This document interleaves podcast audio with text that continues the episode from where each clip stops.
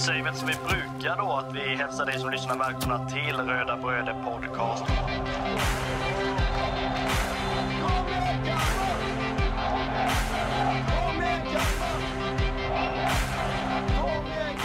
Vi är ju tre bröder som eh, driver en podcast som heter Röda Bröder Podcast.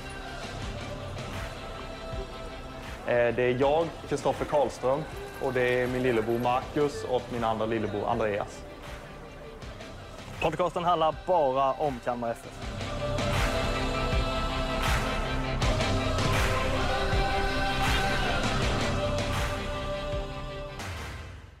Det är måndag den 29 januari och eh, Röda Bröder Podcast är tillbaka med ett nytt sprillans nytt faktiskt avsnitt. Eh, efter matchen mot eh, HB Köge som spelades under, under lördagen. Vi ska prata ner den ganska rejält under det här avsnittet. Eh, Kristoffer är det som pratar just nu. På andra sidan är i sedvanlig ordning Marcus i Växjö och eh, vi tar väl en liten sån här lägeskontroll. Eh, Marcus, hur, eh, hur är läget med dig idag?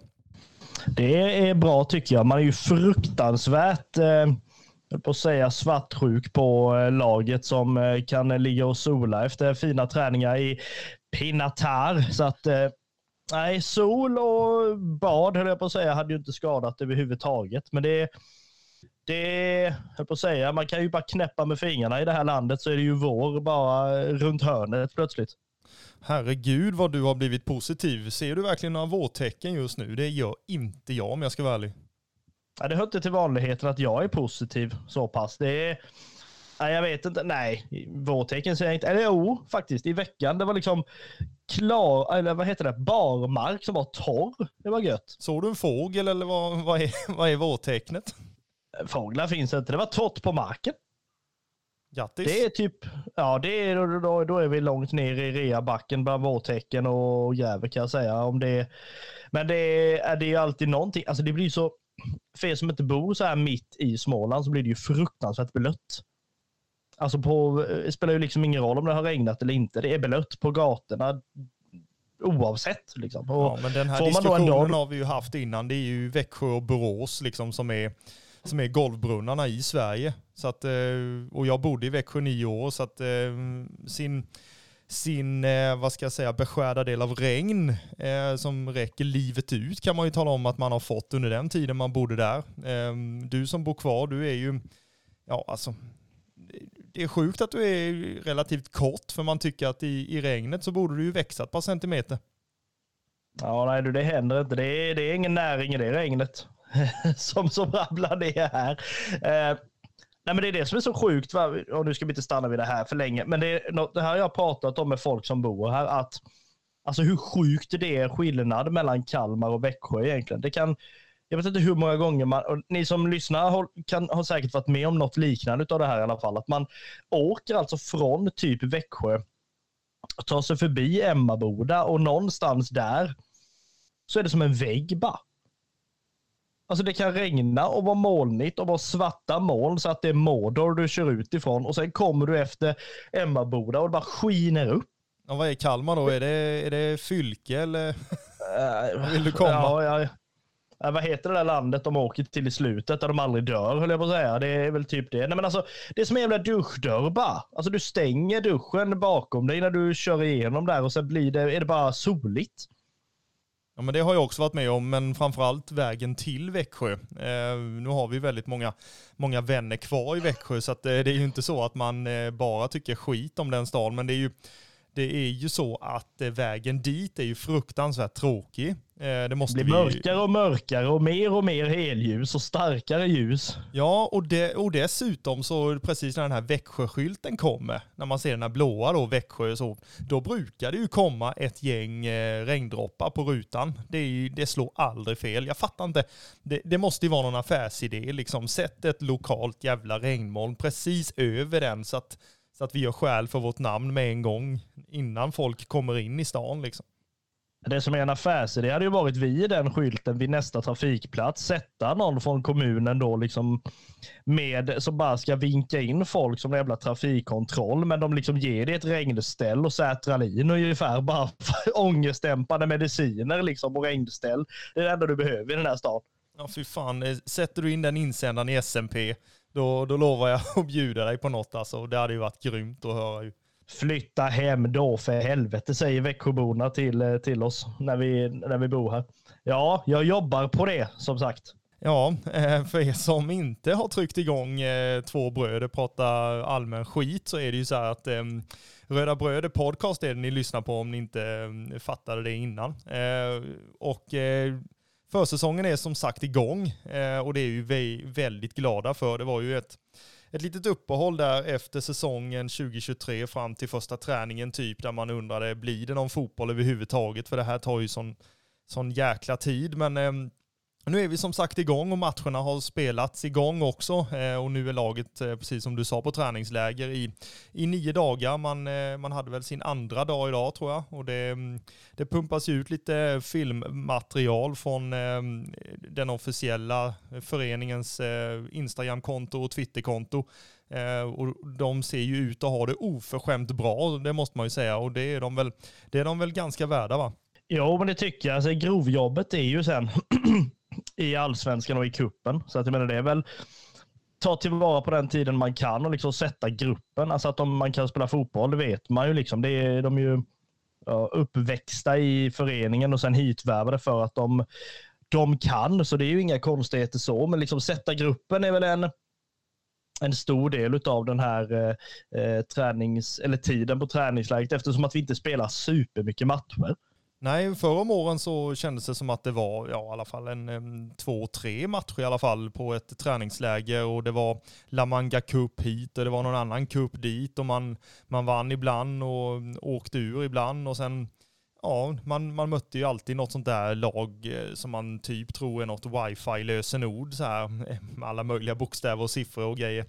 Eh, men ehm, det känns som att man mer och mer prioriterar själva träningen och det man alltså fokusera mer på sig själva än vad man fokuserar på matcherna nere på ett läger. Sen, sen kan man ju tycka då att den här matchen mot Köge som var nere i Malmö då innan de flög till Pinatar kan ju räknas som en match via träningslägret typ då av någon konstig koppling. Så att det, det är väl lite, lite så man får, eh, man får tänka då givetvis. Men, men eh, det är klart att ehm, nu när man har mött ett, eh, ett division 2-gäng från Sverige, man har eh, mött ett division 1-gäng från Danmark och nu eh, är det ett lag från den ukrainska högsta ligan om jag inte är helt ute och cykla. Så att det kommer bli ett, ett helt annat motstånd och en, ytterligare ett hack upp i nivå kan vi ju förvänta oss och det är ju bara att bänka sig framför datorerna och tvn på fredag klockan 17 Eh, då man spelar mot de här Polyssia då eh, nere i Pinatar och matchen sänds ju på Sportbladet om jag inte är helt ute och cyklar ytterligare en gång. Jag tror inte det. Eh, men vad tycker du, ska vi ta lite så här läget kring Kalmar FF just nu? Det gör vi.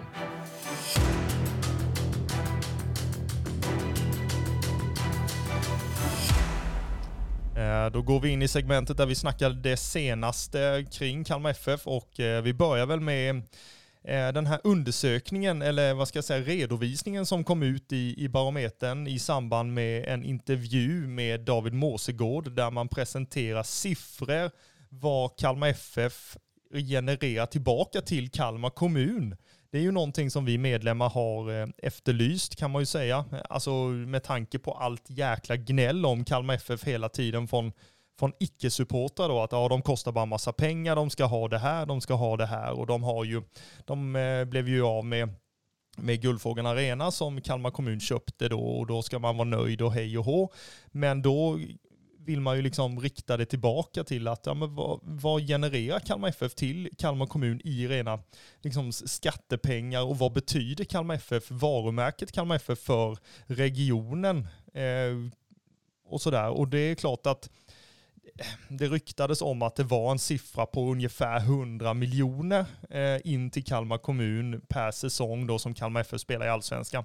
Och nu har ju den här siffran eh, blivit eh, 80 miljoner i, den här, eh, i det här resultatet av den här redovisningen då. Eh, och det är ju räknat på 15 stycken hemmamatcher som man då ja, genererar. Eh, 80 miljoner i skatteintäkter till Kalmar kommun. Men eh, om du ska få kommentera själva summan och vad Kalmar FF betyder för regionen, hur beskriver du det då? Ja, eh, alltså bara, bara för att göra någon form av, Eh, av liknelse kring den här siffran så kan man ändå säga att Alltså den här siffran, om vi nu tar väldigt, väldigt överslagsräknat här då, det är liksom fyra Mileta Rajovic i liksom in till, till eh, Kalmar kommun ungefär. Eh, och där är det då också så att Alltså det, är, det är ju allt möjligt. Det är ju inte så att det är ja, biljettpriser och att det är det som är pengar liksom sådär som, som kommer in, utan det är ju allting runt omkring. Alltså möter vi storlag så det är klart det kommer tusen, två tusen om inte fler liksom bortasupportrar. De ska dels liksom ta sig till Kalmar. Eh, de ska äta naturligtvis, dricka massor och sen så ska de ut till arenan igen och där liksom Alltså lägger de ju också pengar och samtidigt är det ju så att är det en riktigt bra dag, alltså det är en söndag, då vet man om också att det är en stor del, alltså supportrar under året som som tar liksom en hel helg. Och jag menar, då går det in pengar till hotellverksamhet och det är alla möjliga sådana grejer. Sen är det ju inte bara det att Alltså det är rena pengar. Det är ju att så fort som det kommer väldigt mycket människor till Kalmar så blir det ju, alltså stan får väldigt mycket reklam. Det är liksom restauranger, det är affärer, det är hotell, det är allt möjligt sånt liksom och sådär. Och då, då blir ju det väldigt mycket pengar till slut. Och man kan ju då tycka att ja, Kalmar FF kostar bara en himla massa och sådär och man får tillbaka en liten del av det här som man ändå genererar Kalmar stad. Men det är klart att när man sen då ser baksidan av det att man genererar så mycket pengar, det är ändå väldigt mycket prat om hur dåliga förutsättningar det är med, med plan och så vidare. Nu har man ju liksom på så här, fuckat upp den här omläggningen av gasten igen, vilket gör att det återigen börjar pratas om att det ska spelas cupmatcher någon helt annanstans. Liksom, förra året pratade vi om Europaspel i Malmö. Nu pratas det, gud förbjude, om eh, liksom, hemmamatch i kuppen mot AIK i Norrköping. Alltså det är för fan närmre för stockholmarna till sin bortamatch än vad det är för oss upp dit. Och det Alltså sånt blir man bara fruktansvärt trött på och det är ju det som är skönt att man egentligen kan liksom sätta en lapp med en siffra. Det här ger vi. Alltså vad får vi då?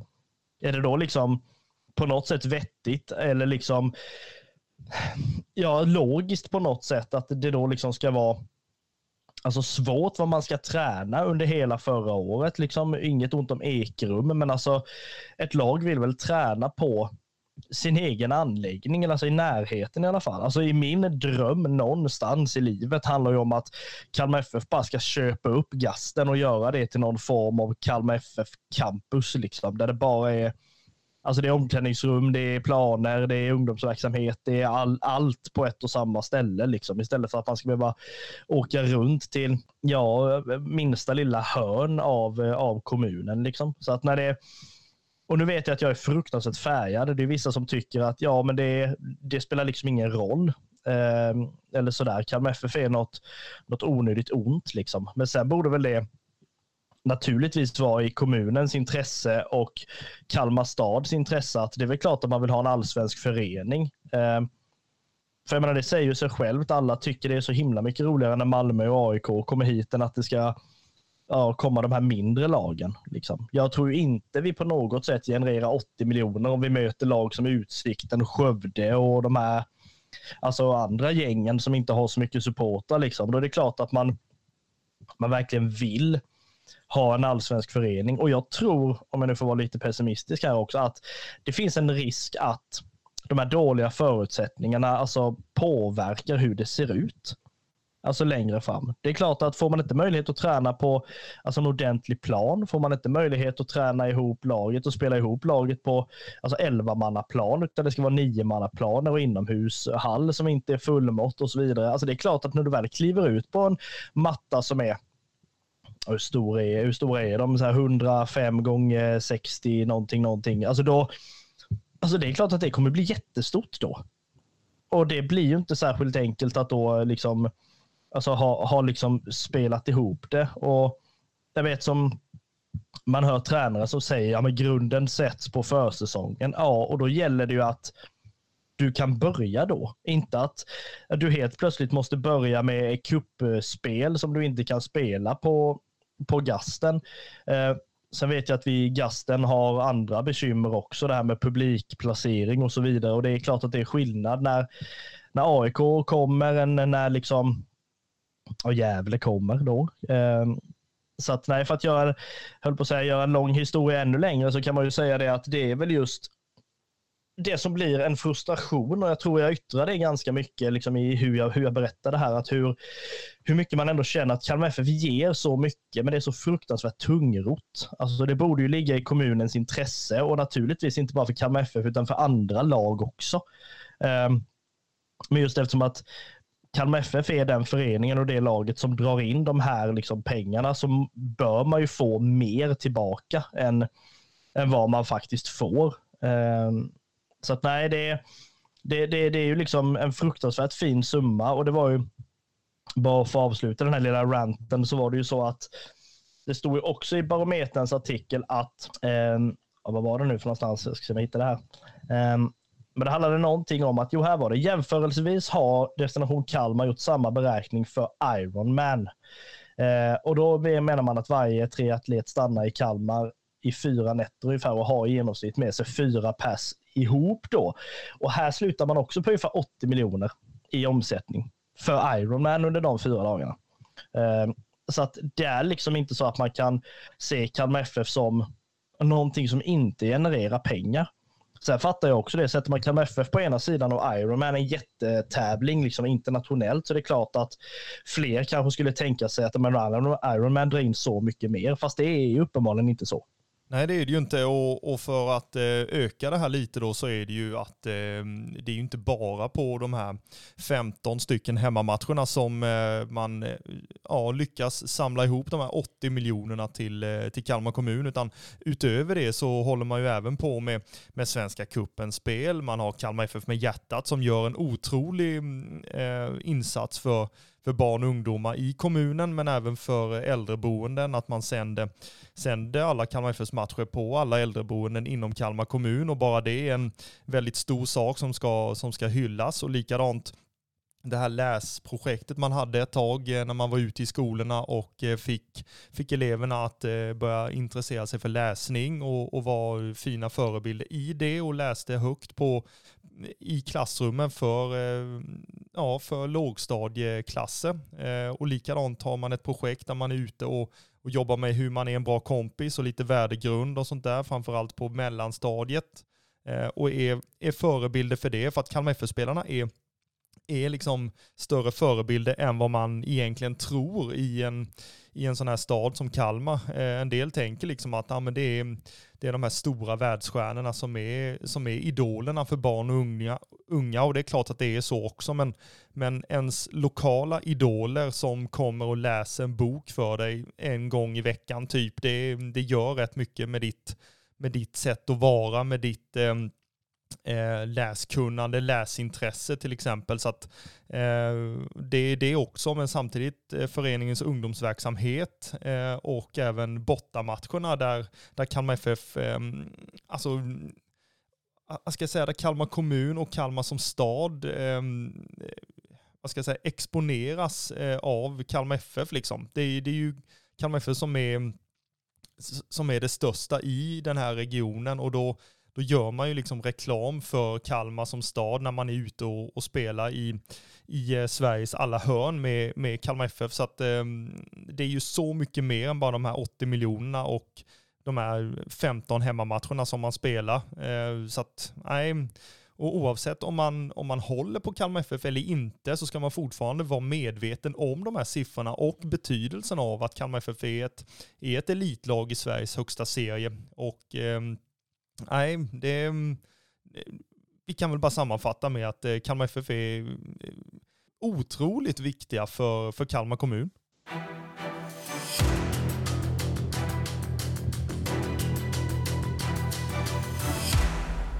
Så vi skickar väl en passning till eh, Johan Persson och kompani på Kalmar kommun att gå in och läsa den här, den här redovisningen för att förstå Kalmar FFs värde i, i regionen. Eh, går vi vidare lite då så har vi en glädjande nyhet eh, och det är att vi har läst att eh, Kalle Gustafsson är tillbaka i kollektiv träning. inte kanske fullt ut, men han är med i en del, en del av ehm, bollövningarna ute tillsammans med laget på planen och det är ju otroligt glädjande att höra. Sen ville inte Ludvig Axelsson som är ehm, Eh, performance coach, som det så fint heter i föreningen, eh, gå in på fler detaljer eller hur, hur nära det är matchspel eller något sånt där. Och det, det tycker jag vi ska ha all respekt för. Eh, för det viktigaste är att Kalle blir, Kalle blir frisk och, och bra och, och matchredo i den takten han, han, hans kropp klarar av ju. Ja, men så är det ju. Ehm, och det, det, är klart att så fort som man märker att en sån här alltså bra spelare och som viktig spelare för Kalmar FF ens rör en fotboll så det är klart att man bara vill fram där och säga men när liksom har vi han i spel? Men det är klart att det här får ju ta sin, eh, sin gång, liksom. supportrar och med mig inräknat är väl inte kända för att på något sätt ha tålamod, men det är väl det man får försöka öva upp kanske i den här, eh, höll på att säga, ja, i den här rapporteringen eh, om eh, Kalle Gustafsson. Då. Eh, så att det är väl väldigt skönt eh, att det är någon form av kollektiv träning och inte bara behöva springa vid sidan. Ja, verkligen. Eh, det tror jag absolut att Kalle Gustafsson känner att han, eh, att han är en del av laget. Eh, det kanske han har gjort innan, för man har ju sett i de videoklippen som man har släppt att även på teorilektionerna och från, från gymmet och lite sånt där så har ju Kalle Gustafsson varit med i bild. Så att han har ju inte varit utanför, utanför truppen eller utanför gemenskapen, utan han har ju, han har ju bidragit på det sättet som, som han har, har kunnat göra utanför planen och det, det ska han ju verkligen ha all eloge för. Ehm, och sen betydelsen av att han är en, en lokal spelare också. Det tror jag har väldigt eh, stor betydelse för eh, vad, eller hur mycket man hoppas på honom. Eh, att han är en, en local lad liksom från IFK Berga som, som har tagit steget in till, in till Kalmar FF och sen är ju tanken att han ska att han ska säljas för en eh, fin summa eh, till utlandet helst ju. Eh, så att det kan generera pengar till, till Kalmar FF och dels vara en förebild för de unga spelarna som är på väg uppåt. Att eh, det går att nå allsvenskt spel genom akademin och sen så vidare ut i, i Europa och eh, landslaget då till exempel. Så att eh, Kalle Gustafsson betyder ju riktigt mycket för, för föreningen och, eh, och alla supportrar. Så att det är ju otroligt glädjande nyheter att han är tillbaka i, i den kollektiva träningen nere i Pinatar.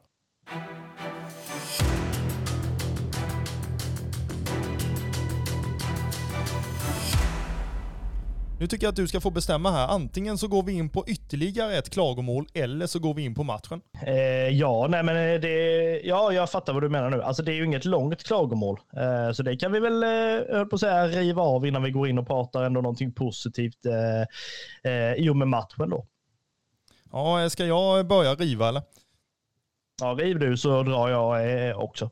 Ja, eh, det är ju en, eh, en lokaltidning som vi har i Kalmar som heter Barometern som eh, har meddelat att man inte är på plats på träningsläget nere i, i Pinatar. Och de supportarna som läser Barometern och deras rapportering är ju ja, missnöjda får man ju säga, jag inklusive då, att, att ja, det är nog fasen det är inte ofta barometern inte är på plats nere på ett träningsläge eh, för Kalmar FF. Det, det, måste man ju ändå påstå. Det, är det någon besparing på personal eller är det något annat som man prioriterar istället? Alltså frågorna är ganska många från min sida med tanke på, på en den fina rapporteringen som vi har varit eh, bortskämda med att ha eh, gällande Kalmar FF från barometern. Så att eh, jag är väldigt frågande till det här och eh, det, man hänvisar till att man kommer att ha tillräckligt med rapporter ändå där nerifrån och då undrar jag på vilket sätt då? Har man någon, någon spansk lokaltidning som kommer skicka någon utsänd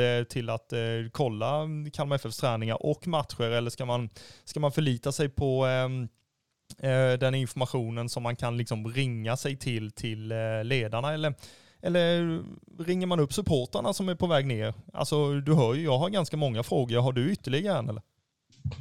Nej, det har jag väl inte mer än en eh, en, eh, alltså återigen skicka en, en form av smäll, höll jag på att säga. Nej, men alltså så en verbal smäll i att jag tycker det är jättedåligt. Alltså så här, sen kan det ju finnas anledningar till det, men jag tycker ändå att det är fruktansvärt märkligt. Um, man pratar hela tiden om att um, i supporterledet det är för lite uh, rapporteringar. Uh, och jag menar, vi försöker ju den månen som finns, jag menar från vårat håll. Uh, och sådär. Men det är inte riktigt, alltså du, förstå mig rätt nu, det är inte riktigt vårt jobb att, att liksom se till att den senaste rapporteringen finns. Alltså vi gör det här dels för att vi tycker fruktansvärt mycket om att prata. Vi tycker fruktansvärt mycket om att prata om Kalmar FF och vi älskar den här föreningen. Eh, och då liksom att då kunna ge det här till alltså supportrar, att två supportrar som förstår dem kan sitta liksom och prata.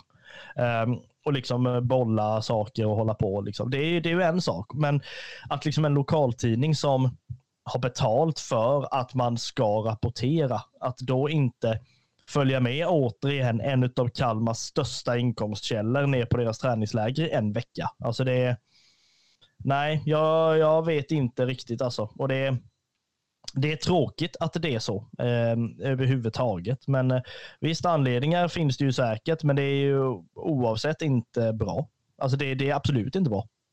Nej, och sen eh, få ta någonting positivt då, och det, det gäller ju inte bara metern då, utan det gäller ju att, ehm, att eh, det kommer att bli någon form av studio Pinatar i alla fall från eh, föreningens sida.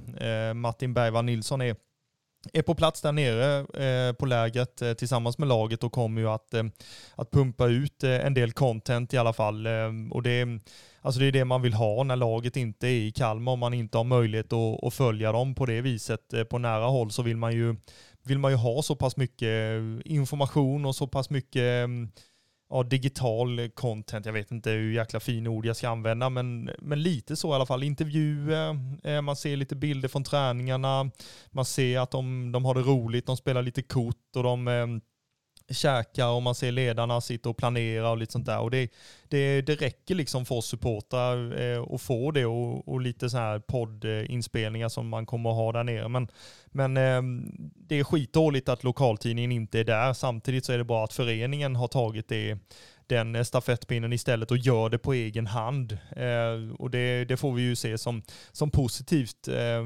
absolut. Sen, sen finns väl någon, någon förhoppning att vi kommer att, eh, få någon form av rapport i alla fall där nerifrån. Vi får se i vilket, i vilket format vi kommer att få det, men någonstans så eh, så kan vi väl eh, ja, i stort sett lova att någonting ner från läget kommer vi och, ehm, och leverera till eh, lyssnare och läsare. Ehm, det, det kan vi lova ju.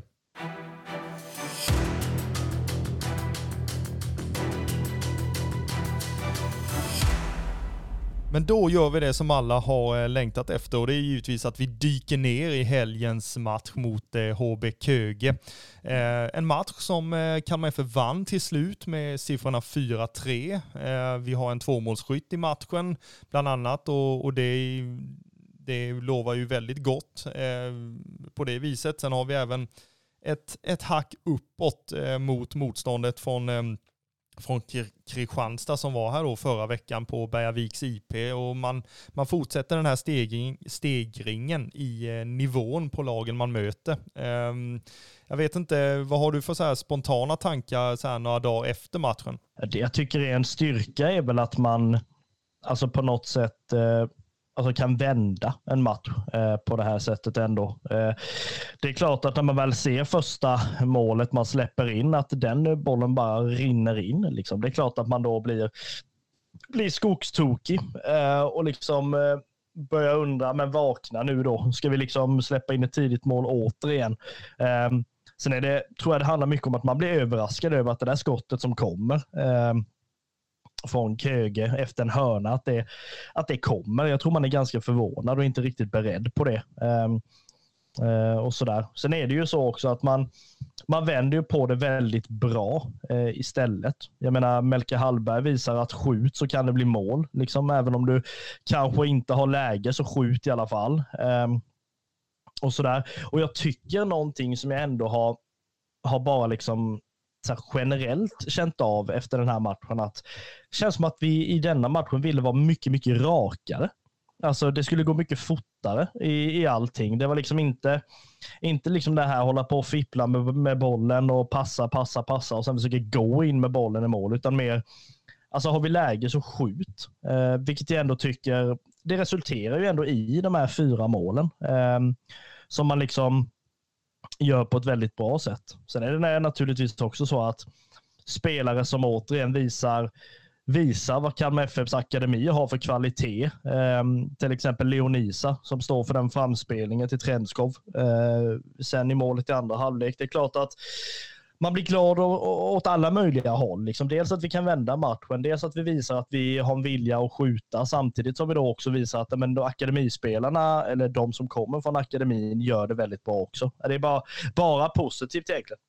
Ja, om jag ska sortera det du nämnde nu så är det ju så att eh, man, eh, ja, vad ska jag säga, första målet är ju, det är ju ett resultat av en, eh, av en hörna där eh, eh, Sätra nickar bort bollen eh, på ett väldigt bra sätt, men den landar ju rakt i gapet på, på en Köge-spelare som eh, drar till direkt och den och den eh, går in eh, bakom en, ja, i stort sett chanslös eh, Brolin som inte, ja, han ser ju inte speciellt mycket där och då kan man ju tycka att det ska, att eh, det ska ut en spelare där och störa den som ska skjuta eh, på ett eh, betydligt bättre sätt än att stå kvar i, i straffområdet och ja, och bara vänta in skottet. Eh, men det sker väl så pass, så pass snabbt så att man är, är väl egentligen inte med på att det ska, att det ska komma ett skott där. Samtidigt så så är det väl någonting man, eh, man kommer att jobba med eh, framåt eh, just med de fasta situationerna. För man, man släppte in ett sånt mål mot, eh, Eh, mot Kristianstad. Eh, nu var det inte eh, ett skott utifrån utan det var ju en, en frispark som lyftes in och det var en, en Kristianstad-spelare som kunde gå upp och nicka. Och ehm, det är ju fasta situationer tror jag att man kommer lägga ganska mycket krut på både offensiva och defensiva. Ehm, så att, men samtidigt så, det du nämner att eh, Melka Hallberg har, har fattat att man, att man ska skjuta utifrån precis som han gjorde när, när han var här förra sessionen eh, och gången innan det också. Att, att han utnyttjar den kvaliteten med tanke på det skottet och det tillslaget han har så, så gjorde han helt rätt i den situationen. Eh, sen eh, blir det ju snyggt av att Kögebacken nickar uppåt och att den seglar över målvakten. Det är ju, det är ju också någonting som är väldigt fint. Sen så är han ju inblandad i, i 2-1 målet som Skrabb gör också. Eh, och Skrabb var ju riktigt bra i den här matchen. Eh, man blev ju nästan Alltså man fick nästan eh, tankarna tillbaka till då Oliver Berg spelade den här falska nian eh, och inte, inte den här mer Rajovic eh, stuket då på nia utan lite mer komma ner och, och möta boll och, och eh, vara delaktig i uppspelen och, och samtidigt ja, understöd i, eh, gentemot mittfältarna och, och kunna fördela bollen ut på kanterna. Eh, och även komma rättvänd och, och använda sin avslutsfot som Skrabb är jätteduktig på att göra. Ehm, om jag inte minns helt fel heller då så, så gör han ju två mål och spelar fram till, ehm, till ett då. Eh, så att um, Simon Skrabb, han är i riktigt fin form och, eh, och har bytt nummer dessutom och spelar med nummer 10 nu på ryggen och det är väl, det är väl helt rätt spelare att, att sätta nummer 10 på. Ja, det tycker jag. Eh, absolut. Och jag, jag känner på något sätt liksom att jag menar Simon Skrabb visade även under förra säsongen att det här är en spelare som de allsvenska lagen får akta sig för. Eh, och det hoppas man ju naturligtvis att det sitter i även under, under det här, den här säsongen. Det svåra andra året, eh, som det också kallas då, som Henrik Jensen ska få, ska få bita i ordentligt. Ehm, men det är ju naturligtvis så de här spelarna som, som faktiskt gör det väldigt bra. Det är Melker, det är Skrabb och sen Leonisa då samtidigt. Och Det som också var intressant att se när man väl fick se själva startelvan, det var ju att eh, Arash då, Jafapour, gick in som högerback. Ja, och det är ju ett framtidsnamn också. Eh, man kan tro att han är mycket äldre än vad han är. Eh, för han är ju blott 20, så att, eh, han har ju verkligen framtiden för sig. Eh, och han, jag tycker att han, han visar en, en fin kvalitet, eh, både offensivt och defensivt. Eh, det är väl någon gång han är lite sent ute eh, i ett kontringsläge för Köger då när han måste ut och klippa killen vid sidan. Eh, annars så tycker jag att han, att han står för en, en fin och stabil prestation. sen vill jag passa på och flika in lite med det du, du nämnde innan om våra akademispelare som får hoppa in i andra halvlek eh, och framförallt då Leon Isa som har, som har varit på många släppar under ganska många år som jag nämnde i förra avsnittet att eh, med lite provspel utomlands och, och sådär och har liksom ögonen på sig. Eh, jag tror väl utan att veta helt säkert så är det nog sista, sista terminen på eh, eh, akademin eh, som gäller för honom. Så att jag tror att han tar studenten utan, eh, ni får, ni får bara eh, skicka massa mail till mig om jag har helt fel. Men, men känslan är så, vilket innebär att man, att man ger honom verkligen en, en chans här att visa upp sig. Eh, och kanske då belönas då med ett, eh, med ett A-lagskontrakt då när det här akademikontraktet går ut. Och jag tycker att han i de här två matcherna. Han gör ett mål mot Kristianstad, är, är påpasslig i, i straffområdet och i denna matchen så hoppar han in och är ett, ett ständigt hot på högerkanten eh, när han får bollen och,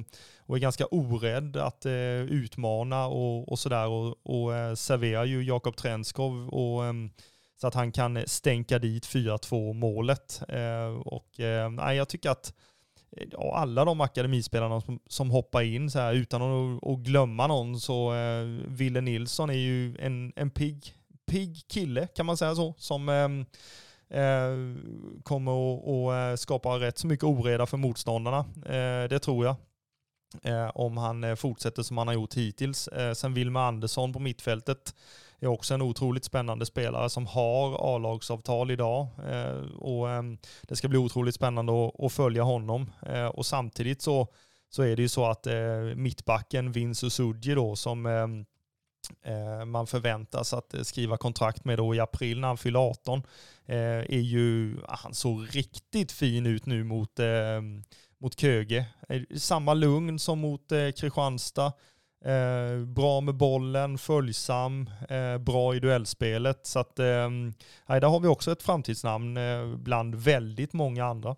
Ja, det har vi och det ska bli intressant nu att se hur de här utvecklas under läget och sen då framförallt i den här kommande matchen mot, mot eh, Polisia, eller vad, hur man nu uttalar det. Eh, det här är ju ändå ett lag som som eh, jag höll på att säga att vi kan vara helt ärliga, att vi har inte en spottmössa om det här laget egentligen, mer än att de nu då spelar i högsta divisionen i, eh, i Ukraina eh, och bland annat då möter lag som Dynamo Kiev och Shakhtar Donetsk och de här eh, eh större lagen. Eh, man eh, eh kom ju faktiskt upp Eh, från ehm, eh, ukrainska varianten av superettan då, eller andra divisionen för eh, säsongen 22-23.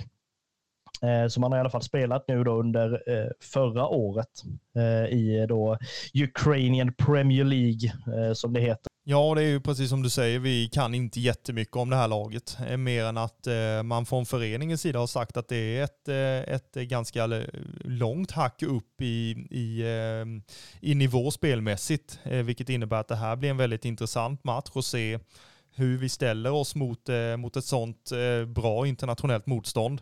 Så här tidigt på säsongen dessutom. Det ska bli jättespännande att se. Samtidigt som, så vill man ju Alltså nu låter man som, eh, ja, alltså som att man inte vill vinna matcher. Det är inte det jag säger, men, men under försäsongen nu så ser jag ju hellre att man, att man gör allting som är gratis så bra man kan. Man löper, man eh, med inställning, man i, smäller på ordentligt i duellerna eh, och man sätter liksom eh, pressspelet och, och, man sätter anfallsspelet och, och kombinationer och spelarna börjar lära känna varandra.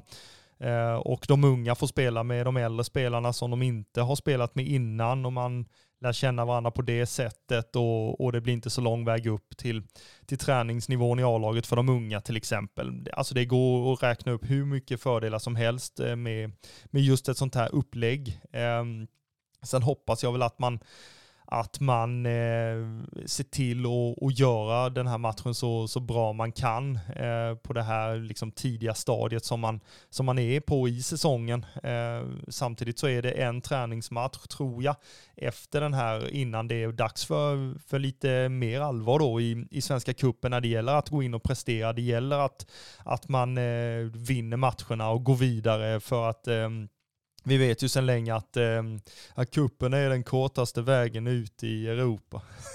så att eh, det är ju det, är ju det mantrat vi, vi bara ska ha i huvudet, att fram till kuppen så det får inte se ut hur som helst, men eh, resultatmässigt är det ju inte det viktiga. Eh, sen i, i Svenska Kuppen så ska både Gävle och, och Örebro och, och AIK få åka av alltså. Eh, oavsett vilken arena eller spelplats vi, vi väljer att spela matchen på. Ja, det som ska bli spännande i den här kommande matchen mot Polisia, Policia, det är ju i alla fall att det här är ju ett lag som är i säsong. Ehm, vad vi vet i alla fall. De ligger, om man ska lita på den eh, tabell man har hittat då ju så ser det ut som att laget ligger på en tredje plats just nu då, eh, vilket ändå får räknas som eh, väldigt bra bedrift.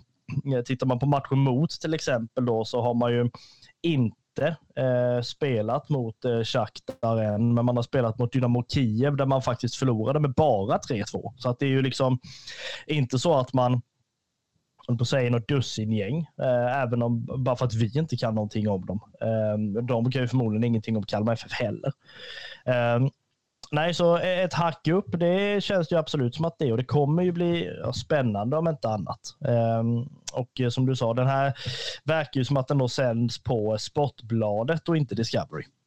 Nej, eh, Sportbladet har väl eh, rättigheterna till, eh, ja, till den matchen, eh, helt enkelt. Ehm, Sen är det väl så här att eh, vi kanske ska våga oss på att gissa startelvan, eh, lite smått i alla fall. Eh, och jag ser väl att eh, att den ser nästan identisk ut med det vi fick se mot eh, Köge eh, för att få det lite mer så här A-lags eh, startelv-aktigt.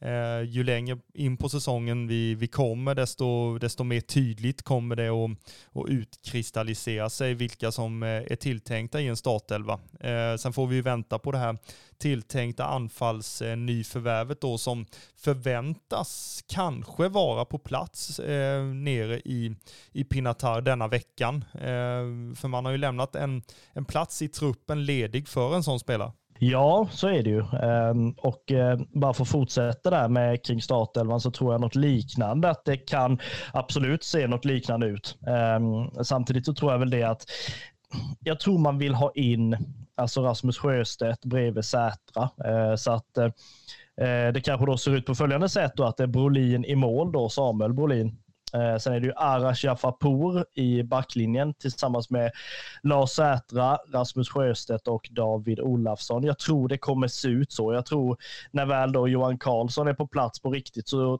tror jag det kommer liksom vara han som tar höger högerbacken i en tilltänkt startelva i, eh, i allsvenskan sen.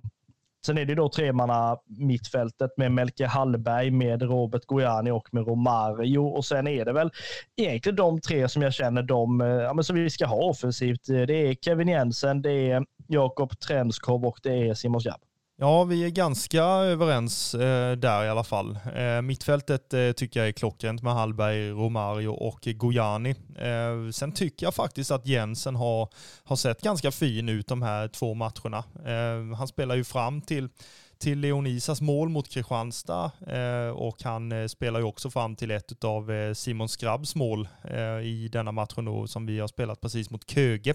Så att han har jobbat mycket i det tysta men samtidigt varit med i, i protokollet som eh, passningsläggare. Så att, eh, jag tycker att han ska, att han ska få eh, fler chanser och eh, eh, vi får se helt enkelt hur, eh, om han har tagit något steg eh, gentemot förra säsongen. Eh, sen så älskar jag ju Jakob Trenskov som eh, startade mot Köge och jag hoppas att han, att han startar mot eh, eh Policia också. Eh, för han, han är ju en spelare som, som vi behöver offensivt. Eh, han kan både kombinera sig fram, han kan göra sin gubbe, han är bra djupled, snabb, teknisk eh, och sådär och kan göra det oväntade.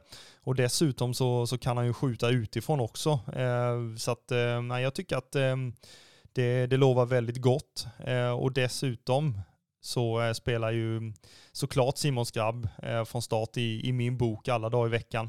så att jag tycker att du fick ihop den här elvan ganska, ganska bra. Sen får vi se om om Sjöstedt spelar, om han har återhämtat sig från någon, någon liten känning han hade eh, som inte gjorde att han spelade mot eh, Köge. Men eh, Sätra och eh, Sjöstedt ihop, det, det är ju en eh, ganska oslagbar kombo. Ja, och bara för att eh, koppla återigen där till Kevin Jensen, det är ju liksom en, en spelare som alltså inte fick särskilt mycket chansen under första året han, eh, han eh, var i, eh, i föreningen. Men som sen liksom då under förra året med ett par matcher och sen framförallt nu då och kanske nu under försäsongen har tagit kliv. Liksom. Det är ju ändå någon som du säger som har jobbat i det tysta och sådär och ändå någon som man har hoppats liksom ska ta det här sista klivet. För det är klart, han har ju varit alltså, lovordad från ja, men från experter och från liksom, eh, scouter runt om. Eh, när han då spelade i, i Landskrona då liksom. Och det är klart att många var på han och sen landade han ju i, eh, i Kalmar då, vilket är är väldigt skönt eh, naturligtvis. Sen är det ju så här att det här låter man dem liksom blomma ut så liksom blir de ju bra spelare till slut. Så det hoppas man ju absolut att, att han får möjligheten och chansen faktiskt att, eh, att göra i år. Men sen är det väl också så, plockar man in någon ny offensiv spelare så är det ju bara upp till Kevin Jensen att visa att men det är min startplats. Liksom. Ja, sen är ju frågan om, om det är en, en tia eller nia som kommer in med tanke på att eh, Kevin Jensen är ju en, en lite mer tia än eh, en nia, eh, om man säger så. Eh, och jag, vad jag har förstått det så, så kan det komma in både en tia och en nia eh, för att eh, kunna ha lite fler alternativ eh, offensivt. Och det är ju det är ju lite liknande förra året när man plockade in Rajovic som eh, en, eh, en väldigt, väldigt tydlig nia och eh, en Dennis Hymmet som, som kunde både spela nia men samtidigt tia och, och var bra i, i den delen av spelet. Så att vi får väl se om, om det anländer två stycken eller, eller en, men minst en i alla fall. Det, det får vi verkligen verkligen hoppas att eh, Jörgen kan plocka fram givetvis. Eh, om vi bara riktar blickarna lite, lite bakåt eh, så skulle jag vilja eh, ta in eh, matchens hyllning och matchens sågning från, ehm, från Köge-matchen och eh, matchens hyllning är ju givetvis Simon Skrabb som eh, gjorde 2 plus 1 ju. Ja, eh, det är ju så. Vi är fortfarande lite nya med de här eh, två segmenten, både hyllningen och sågningen, men det kommer vi att jobba in eh, i rutin som det heter. Nej, men Simon Skarb, absolut. Matchens hyllning. Han förtjänar ju det utan att blinka, absolut. Och det här är ju en, en spelare som har bevisat sig återigen, liksom håller den absoluta kvaliteten och är en fruktansvärt viktig spelare för, för, för vårt Kalmar FF skulle jag säga.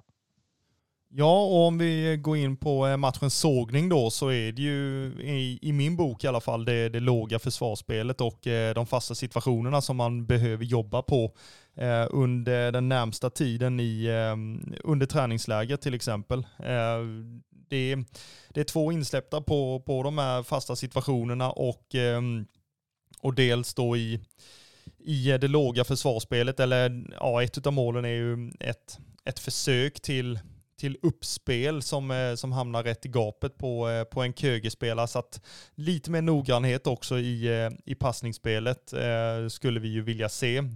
Men jag tror att man, alltså man har ju full koll på det här egentligen och analyserar ut i, i fingerspetsarna och dygnet runt. Så att det, det kommer inte, kommer inte vara några problem. Och mm, och eh, rätta till det eh, inom en ganska snar framtid. Och, och är det någonstans det, det ska göras misstag och läras av misstag så är det ju under försäsongen när, ehm, när resultatet är mindre viktigt men eh, prestationen och intentionerna är, är desto viktigare.